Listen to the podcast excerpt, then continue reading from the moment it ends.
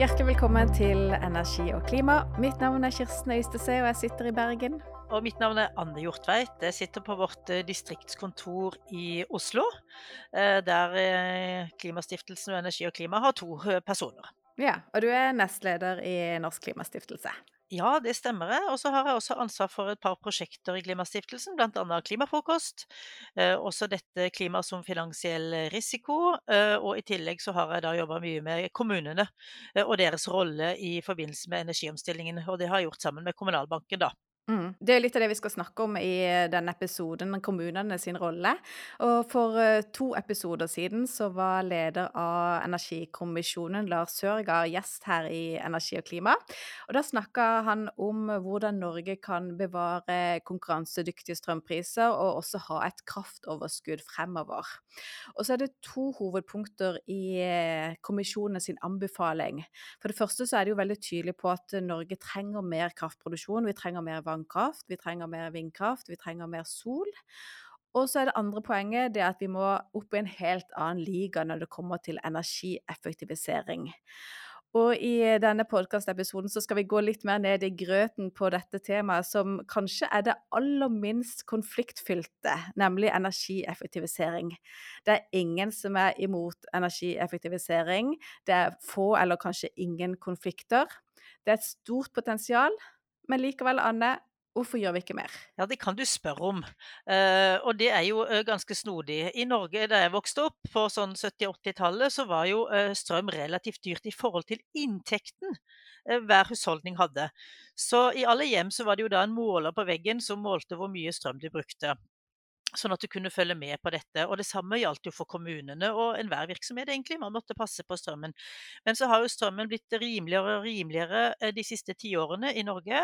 eh, Med noen unntak selvfølgelig innimellom. Eh, Så det har ikke vært et sånt økonomisk insentiv, eller man har ikke trengt det rent økonomisk å drive på med energieffektivisering i Norge da, da jeg drev på i ungdomspolitikk og foreningsliv på 1980-tallet og utover, så var jo enøk et kjempetema.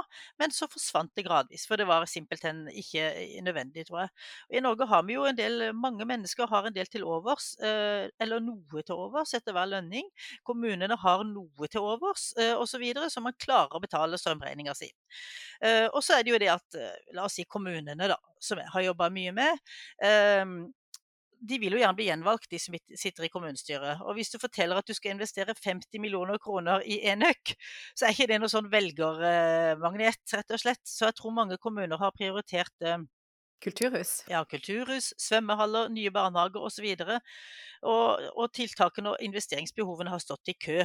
Så det å være den som fremmer at nå skal vi bruke halve investeringsbudsjettet vårt de neste fire åra våre på enøk, det er ikke så lett. Men eh, jeg skal komme tilbake med et eksempel på en kommune, en liten kommune som gjorde nettopp det. Og gjett om de er glade for det nå, med de strømprisene man har sett i det siste. Ja, for det er jo både strømpriser, men også det man ser at man kan spare en del kraftutbygging, og det er også da natur, hvis en klarer å bli litt flinkere på å energieffektivisere. Ja, det tenker jeg nok en del kommuner som har vært veldig bastante på å si nei til vindkraft f.eks., at de har nok fått seg en øyeåpner, at de kan, de kan bidra på andre plan da.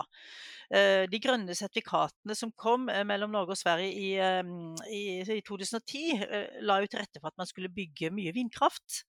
Eh, og da var jo bekymringen i Norge at man fikk for få av de prosjektene. At for mange av de gikk til Sverige, og man var fortvila i Norge over at det var altfor lite vindkraft i Norge. Det har jo endra seg veldig. Så jeg tipper at, eh, at, eh, man kommer til å gjøre mye mer med enøk. Selvfølgelig, særlig i de kommunene som tenker at ja, vi har fått tilbud om å bygge vindkraft, det har vi sagt nei til. Vi kan gjøre andre ting. Så både et økonomisk insentiv, men også man må bidra inn i dugnaden nå. Mm. Og i dag så skal vi konsentrere oss litt om det som er litt løfterikt, da, nemlig de kommunene og fylkene som går litt i front og faktisk får til noe. Og i høst så reiste jo du Norge rundt og besøkte kommuner og fylker som har gjort noe, som begynner å bli gode på å kutte både CO2-utslipp og energibruk, og i strømregninga. Og en av de du besøkte, det var Agder fylkeskommune. Og da fylket skulle bygge en helt ny videregående skole i Tvedestrand, så valgte de å utruste utruste skolen med både solceller, med energibrønner, med varmepumper, og de brukte også både en kombinasjon av brukte og nye batterier for å kunne spare på den energien fra, som solcellene produserte som de ikke trengte å bruke da umiddelbart. Og det gjør nå at eh, skolen faktisk kan produsere mer energi enn den bruker. Og I går så snakka jeg med Steinar Roppen Olsen, og han er rådgiver i bygg- og eiendomsavdelingen i Agder fylkeskommune.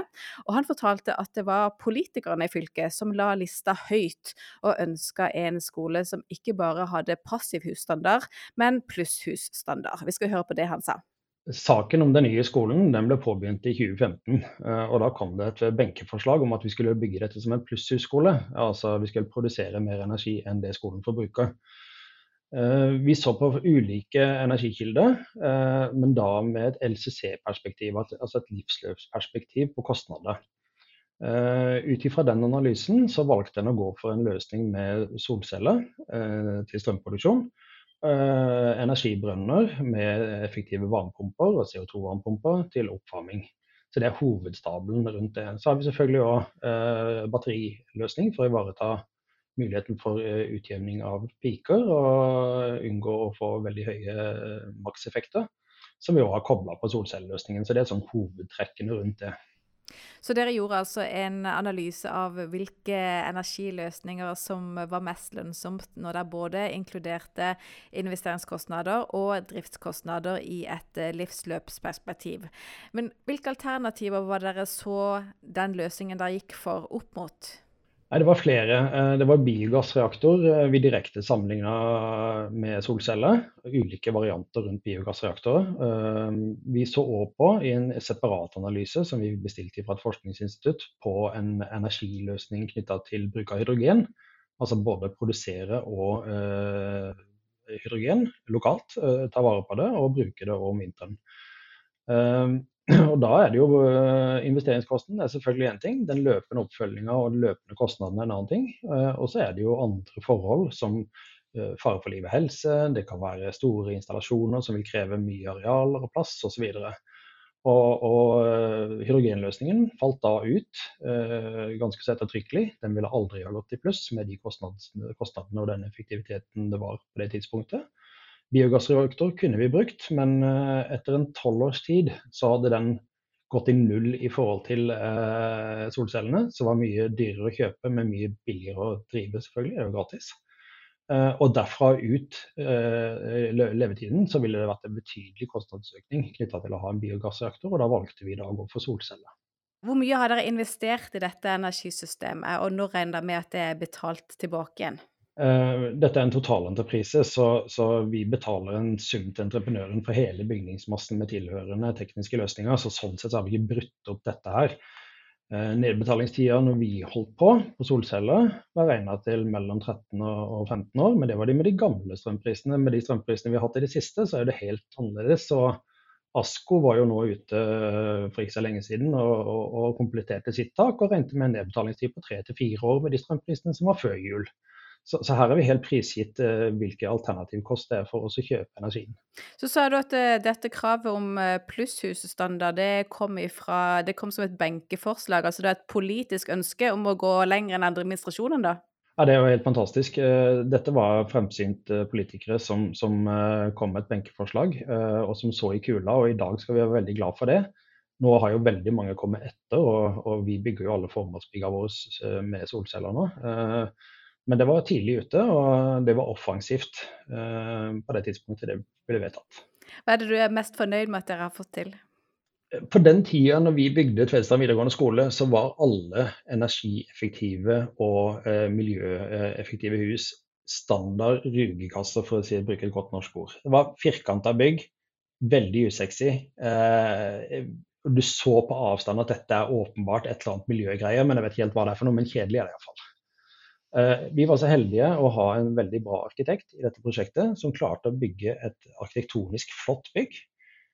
Veldig utfordrende å bygge eh, for de som har sett det. Det er veldig mange sprang. Eh, det er veldig mange kombinasjoner av vinkler som gjør det veldig vanskelig å bygge som passivhus. Det har de fått til. Vi har trodd på det hele tida. Og de har fått til både passivhus og plusshus i denne sammenhengen.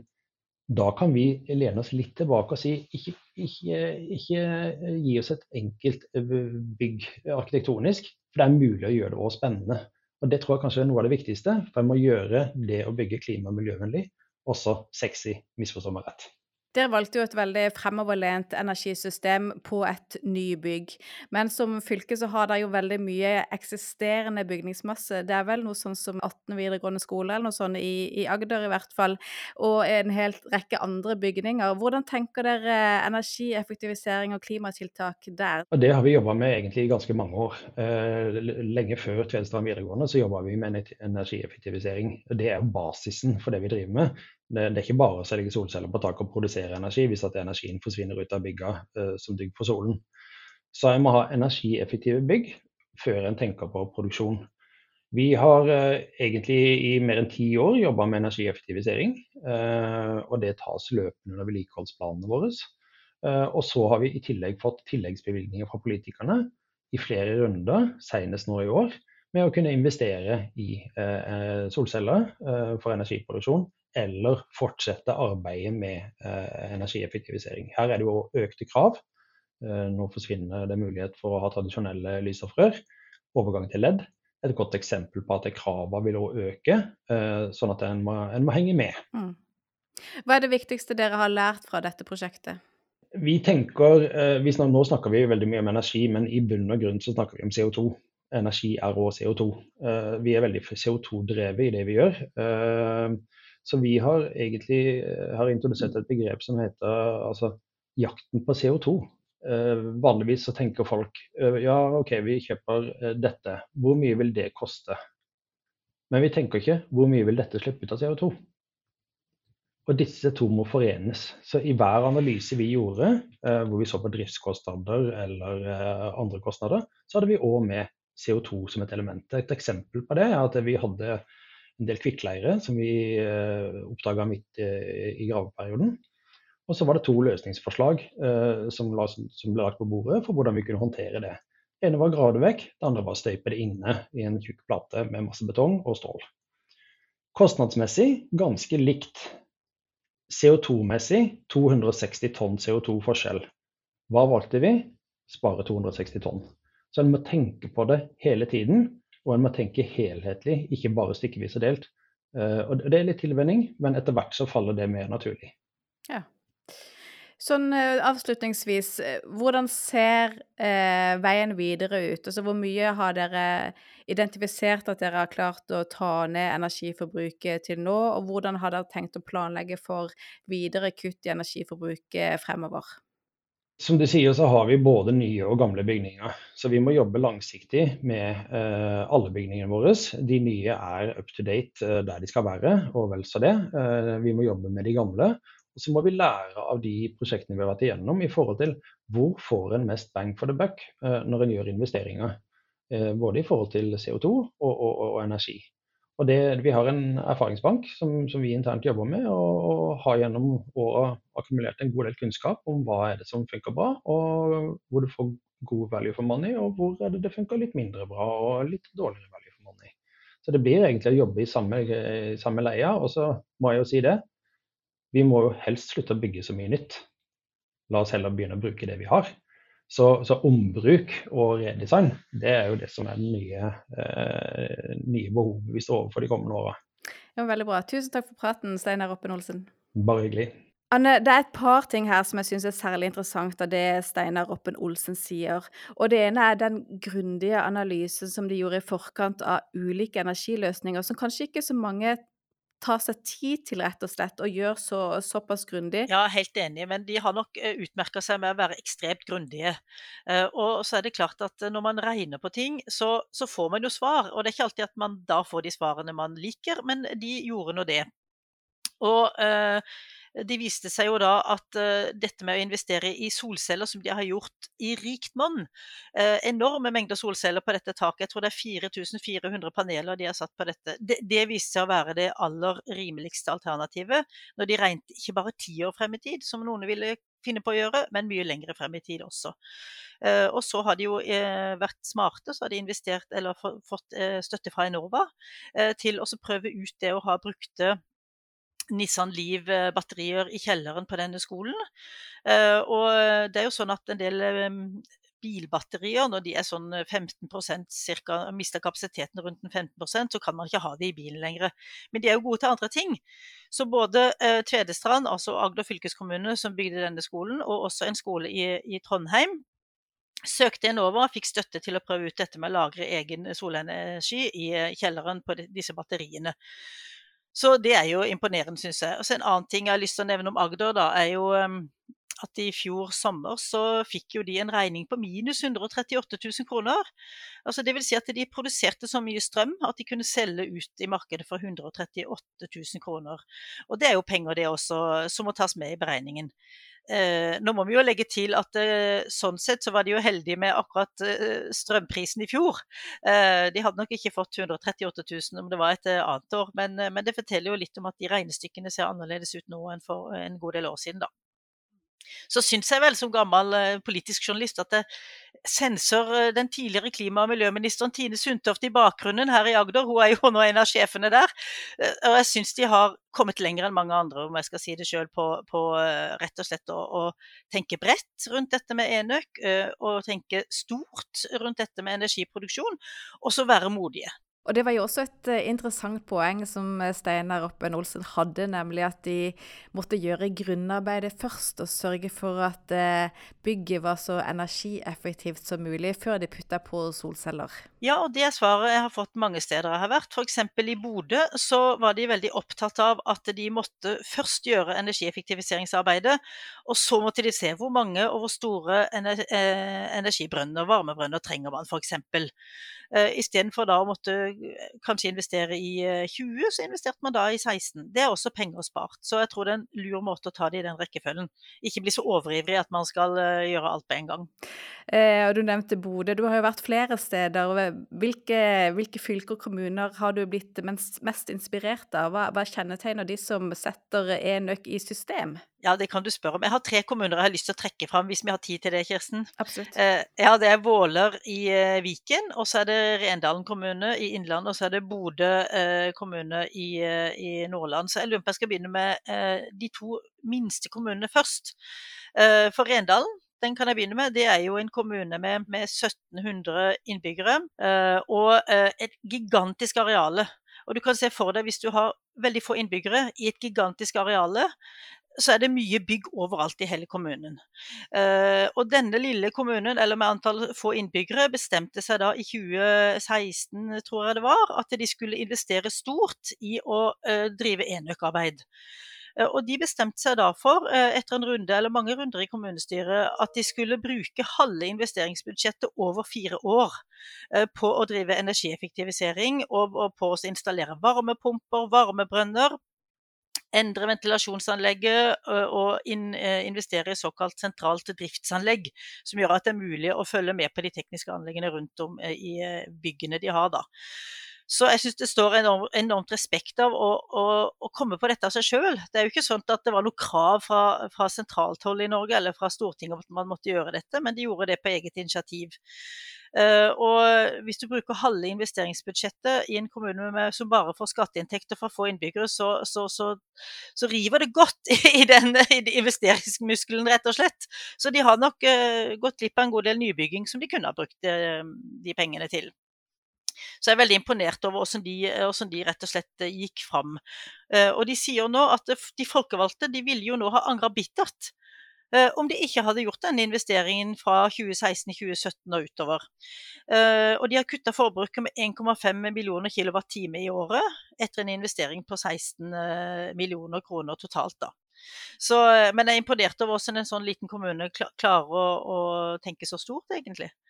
Det er ikke alle store kommuner som klarer det. Der står signalbyggene i kø som en, et alternativ til å investere i enøk. Så har jeg lyst til å nevne Våler i Viken. Det er jo to kommuner i Norge som heter Våler, men dette er denne i Viken. 6000 innbyggere, en skog- og jordbrukskommune. Uh, og de uh, har investert uh, de siste par åra 35 millioner kroner på 88 tiltak. som gjør at de har spart store mengder strøm. Jeg tror det dreier seg om at de har kutta strømforbruket med rundt 40 investert i sentralt driftsanlegg, eh, sånn at de tekniske anleggene og byggene eh, og vannverkene eh, kan overvåkes og styres digitalt.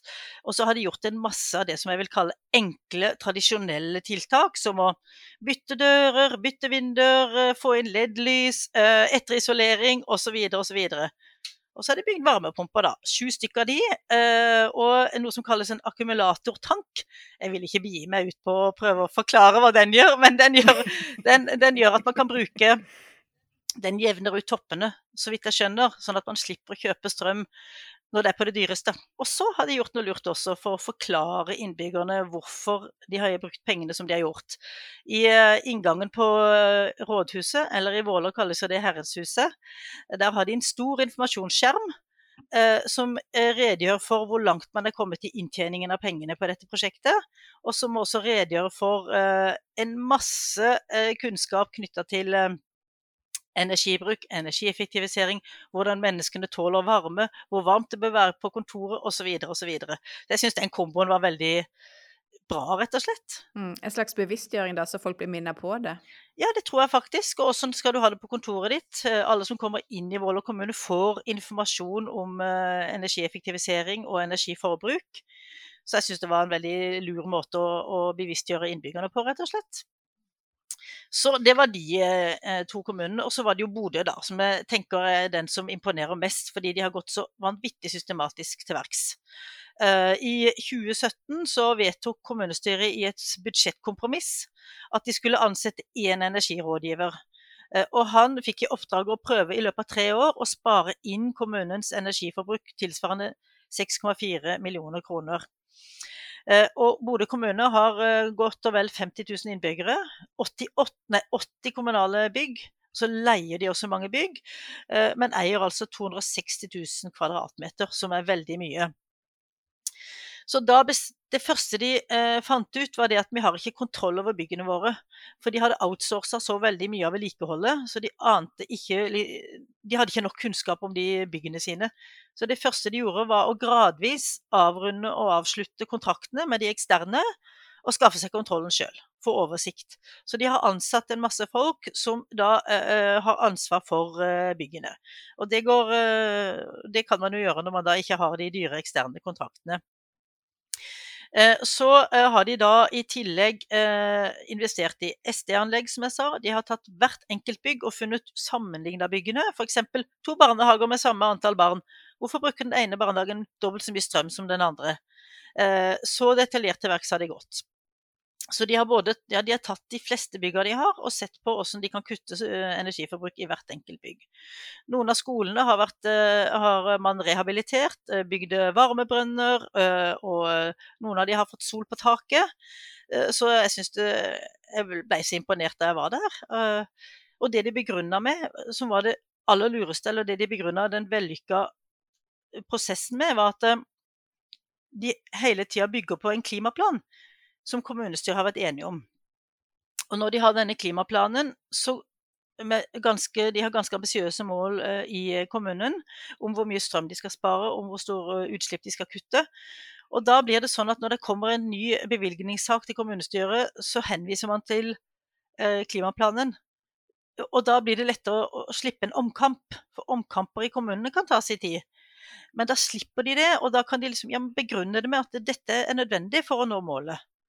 Så jeg syns det, det, var eh, artig å, å få se på. Mm. Disse tre du nå nevner, i tillegg til Agder og alle de andre kommunene og fylkene du har møtt, hva forteller de om motivasjonen for å gå i gang, de som gjør det så grundig da, som, som, dette? Ja, det varierer jo veldig. Eh, noen har for det første eh, veldig mange gamle bygg eh, som er ekstremt energiineffektive. Eh, og det er jo ikke framtidsretta. Eh, så jeg tror at veldig mange har som motivasjon at de må begynne å sløse mindre. Eh, og det at man skal sløse mindre, det, vel, eh, det er jo det som er framtida, rett og slett. Skal man komme i mål med både eh, klimaomstilling og, og, og, og ta vare på natur, så må man sløse mindre. Så jeg tror at mange har fått en bevissthet rundt det. Uh, og så at energiforbruket må ned, uh, rett og slett. Og da kan man like godt stikke spaden i jorda. Uh, og så er jo en god del av de kommunene, eller de fleste kommunene, låner jo i Kommunalbanken, altså Den norske stats kommunalbank.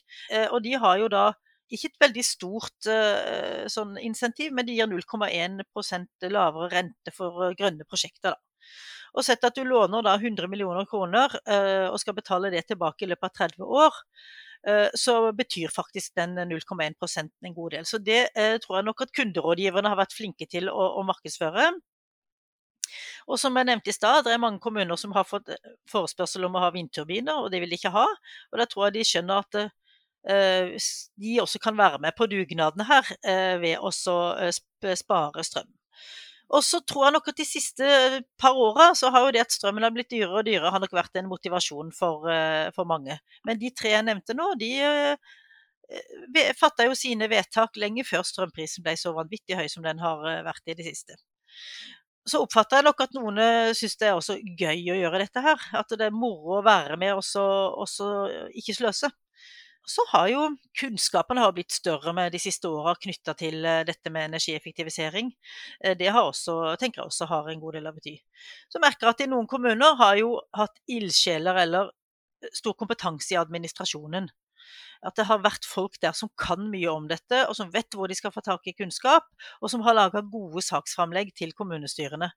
Eh, og det er også en motivasjon når du får et godt saksframlegg eh, med gode regnestykker, med gode alternativer, og du ser hva du kan oppnå. Det tror jeg mange kommunestyrerepresentanter eh, At det trygger de rett og slett til å tenke at ja, men dette kan vi være med på. Ja, det er et stort beløp, vi må låne mange penger, men dette er godt utreda. Så det er nok også en del administrative krefter og ressurser som har bidratt til å motivere politikerne, som jo er de som, som skal fatte beslutning om uh, de investeringene mm. her. Og Når du har reist uh, Norge rundt og sett hva som skjer, hvilke tiltak er det som går igjen, og hvordan opplever du hva er, hva er lønnsomt, og hva er kanskje litt uh, mindre lønnsomt, eller kanskje marginalt lønnsomt? Vet du noe om det? Ja, jeg vet noe om det, men ikke nok til å være skråsikker på akkurat det. Men man vet jo nå at både når det gjelder produksjon av energi f.eks., så, så vet man at solceller nå, det er lønnsomt. Eh, og før så kunne du regne det hjem i løpet av kanskje 10-15 år. Nå kan man regne det hjem mye fortere av, av, tre grunner. For det første er strømprisen høyere, og for det andre er solcellene rimeligere. Og for det tredje så er de mer effektive. Man får mer ut av hver solcelle. Sånn at det er en no-brainer, eh, rett og slett. Eh, så, eh, og så er det jo vil det være lokale forhold som vil avgjøre også om f.eks. biogassfyr, om det kan være en løsning. Det kommer litt an på hva slags ressurser du har og hvordan du skal få dette til. Så det kan jeg ikke svare nok om, godt nok på. Men de vanlige tiltakene som å etterisolere og bytte til LED-lamper og nye dører og vinduer og sånt, det det sparer man inn eh, på relativt kort tid, selvfølgelig avhengig av hvor mye man investerer, da. Ja. Og det finnes ikke noen regnestykker som jeg har blitt presentert for når det gjelder varmebrønner f.eks., som ikke man regner hjem igjen. Eh, så eh, her er det nok mer snakk om å, å skaffe seg kunnskap og bli trygg for å, få nok kunnskap til å gjøre de gode beslutningene. Energikommisjonen anbefalte jo at Norge burde ha et mål om å energieffektivisere 20 TWh innen 2030. Det er et ganske stort volum. Norge har jo da, i dag en, et strømforbruk på rundt 140-150 TWh. Eh, nå har jo du besøkt de kommunene og fylkene som får det til, men hvordan skal dette kunne rulles ut i stort og bli standard i flere fylker og kommuner? Ja, det eh, kan det egentlig ganske lett men det er en del ting som kan gjøre det enda lettere. Eh, det som er eh, bra her, er jo at eh, dette er ikke så veldig komplisert. Liksom det å eh, etterisolere eller bytte til LED-lampe, eller det å eh, bytte dør og vinduer, det er jo ikke, eh, det er jo ikke kjempevanskelig, men man må vite hva man gjør og hvorfor, og man må ha pengene til det. Så man ser jo også at insentiver hjelper jo. Altså I 2017 hadde Norge fått 900 000 varmepumper i folks hjem. Eh, noen få år før var det nesten ingen. Eh, sånn at, eh, og det var jo Enova og, og politikerne som bestemte seg for at dette skal rulles ut. Og så fikk man det til. Man fikk jo en god støtte. Uh, og så Det er jo en måte å gjøre det på. Og Det samme med solceller. Man hadde jo støtte i mange år som var ganske bra. Eh, og man ser at det fungerer i Sverige, som vel har en åtte-ti ganger så mye solenergi som man har i Norge. Så det fungerer jo. At man føler at man, er, at man får litt grann, et insentiv eh, på private hjem til å gjøre det. Og Det kan man også gjøre overfor kommunene. Det kunne jo det kunne godt ha vært sånn støtteprogram for kommunene som setter i gang og ruller ut dette her. Eh, kunne man ha gjort. Um, så kan man også bruke krav. Eh, F.eks. stille krav om at alle nybygg skal ha sol på taket. Eh, men det er et politisk spørsmål. Man kunne også stilt krav om at man skal ha varmebrønner rundt byggene sine. Så politikerne har en jobb med å rett og slett prøve å finne eh, en kombinasjon av insentiver og, og pålegg som kommuner og næringsliv må følge.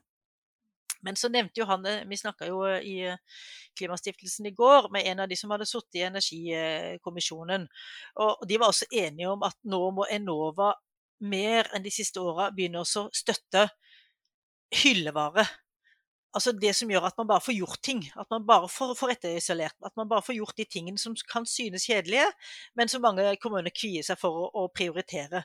Eh, at Enova må bli flinkere til, eller rett og slett innrette seg sånn nå, at man, man gir støtte til også de, også de, prosjektene som ikke er teknologiutvikling. For der har jo Enova konsentrert seg mye mer om i det siste, altså at det skal være et element av teknologiutvikling. Man trenger ikke teknologiutvikling for å ha, installere sol på taket, eller for å etterisolere, for å bytte, bytte til LED-lamper, men man trenger kanskje en liten pott som er et insentiv for å gjøre det. Har du identifisert noen eh, bremseklosser som hindrer eh, større satsing på energieffektivisering? Ja, det er alltid noen bremseklosser ute og går her. Og, og um, jeg tipper nok at det er en del sånn La meg begynne med sol, da. Det har jo vært litt sånn for det første kunnskapsmangel, eh, og så har det vært feil kunnskap ute og gå. Det har versert mye snakk om at ting er så veldig dyrt osv. Så, videre. så det tror jeg nok henger igjen hos en del. At ja, men dette kan jo aldri lønne seg. Så det å ha fakta, å være faktabasert, det er jo øh, å få bort sånne gamle forestillinger om at ting er så himla dyrt. Det, den bremseklossen må bare bort. Og så vil jo en bremsekloss i kommunene og fylkene som jeg har vært hos, kanskje være det politiske motet. Uh, som vi så at de hadde veldig mye av i Våler og i Bodø og i Rendalen og mange andre steder. Men man må ha politikere som tenker at dette må vi bare gjøre. Eh, så må man ha kunnskap i administrasjonen, og har man ikke det, så er det jo vanskelig. Hvem skal lage de gode papirene, hvem skal lage de gode saksframleggene? Det må man få seg. Eh, og har man det ikke, så er jo det også et politisk eh, tema. at Politikerne må ordne opp i det. Så må man kanskje bli flinkere til å tenke langsiktig, ikke bare tenke kortsiktig. Det er ikke så lett i et land der man skal gjøre gjenvelgelse om fire år Eh, og tenker veldig langsiktig, men det er jo en bremsekloss hvis man ikke gjør det. Eh, og så er det noe regelverk som er bremsekloss. Altså, eh, hittil har det jo vært sånn at man skal du ha sol på taket, f.eks., altså se på Agder som nå putta 4400 paneler på taket, da blir du per definisjon i Norge i dag definert som et kraftverk. Og Det betyr jo at du kommer inn under forskjellige andre regler enn en det man gjør hvis man har færre solceller på taket. Og det er jo en av årsakene til at f.eks. Bodø da valgte å bare putte solceller på en femtedel eller en sjettedel av, av taket, men de har lagt det klart, sånn at de kan putte på flere. Uh, mens Agder gjorde det på en annen måte. De bare ga beskjed om at de hadde tenkt å gjøre dette her, og så fikk de unntak fra NVE på det. Uh, så uh, sånne dumme regler som, som, som egentlig er gått ut på dato, de må man få gjort noe med. Og så er det også en bremsekloss, dette som jeg nevnte med Enova, at de har et mandat som, som fremmer teknologiutvikling. Nå bør det i enda større grad fremme energieffektivisering og lokal energiproduksjon. Så det er mye man kan gjøre. Mm. Så et lite tips fra Agder til Bodø, det er å bare gjøre det. ja, ja, det kommer an på. Nå skjønner jeg jo sånn at eh, jeg skjønner det jo sånn at de eh, er i ferd med å skal prøve å endre de, at de reglene bør endres. Men det er klart at eh, veldig mye sol på veldig mange tak eh, på en gang, vil jo også gjøre noe med nettsystemet. Altså, man er jo en del av et system her, og skal du levere tilbake på nettet, så er det jo en, noen issues der også. Men av og til må man kanskje bare gjøre ting. Jeg tror man er i den situasjonen nå. Ja. Helt til slutt, har du tips også til de kommunene og fylkene som ikke har gjort så mye ennå? Ja, ta og les eh, dette inspirasjonsheftet vårt for kommuner og fylkeskommuner. Spar og produser mer energi. Der får du både eh, lyst til å gjøre mer, tror jeg, eh, og så blir du inspirert til å, å se på kommunen din med nye øyne, kanskje. Så vil du fort oppdage at du kan gjøre mye hos deg sjøl også, og ikke en, men ikke altfor stor pris, da. Men det er jo dette med å forankre ting. Eh, ha en god klimaplan. Eh, sette ambisjoner for hvor, da, hvor, skal din kommune være i 2030, hvor skal din kommune være i 2040. Og så lar du det være utslagsgivende for eh, investeringene du, du, gjør. Og Da slipper du det jeg nevnte med de omkampene i kommunestyret. Ja, det kommer et nytt kommunestyre etter valget, kanskje. Altså, dette må være forankra bredt, skal, du, skal, skal det ha noe for seg. Ja, så må du også regne på hvor mye penger kan jeg spare på dette.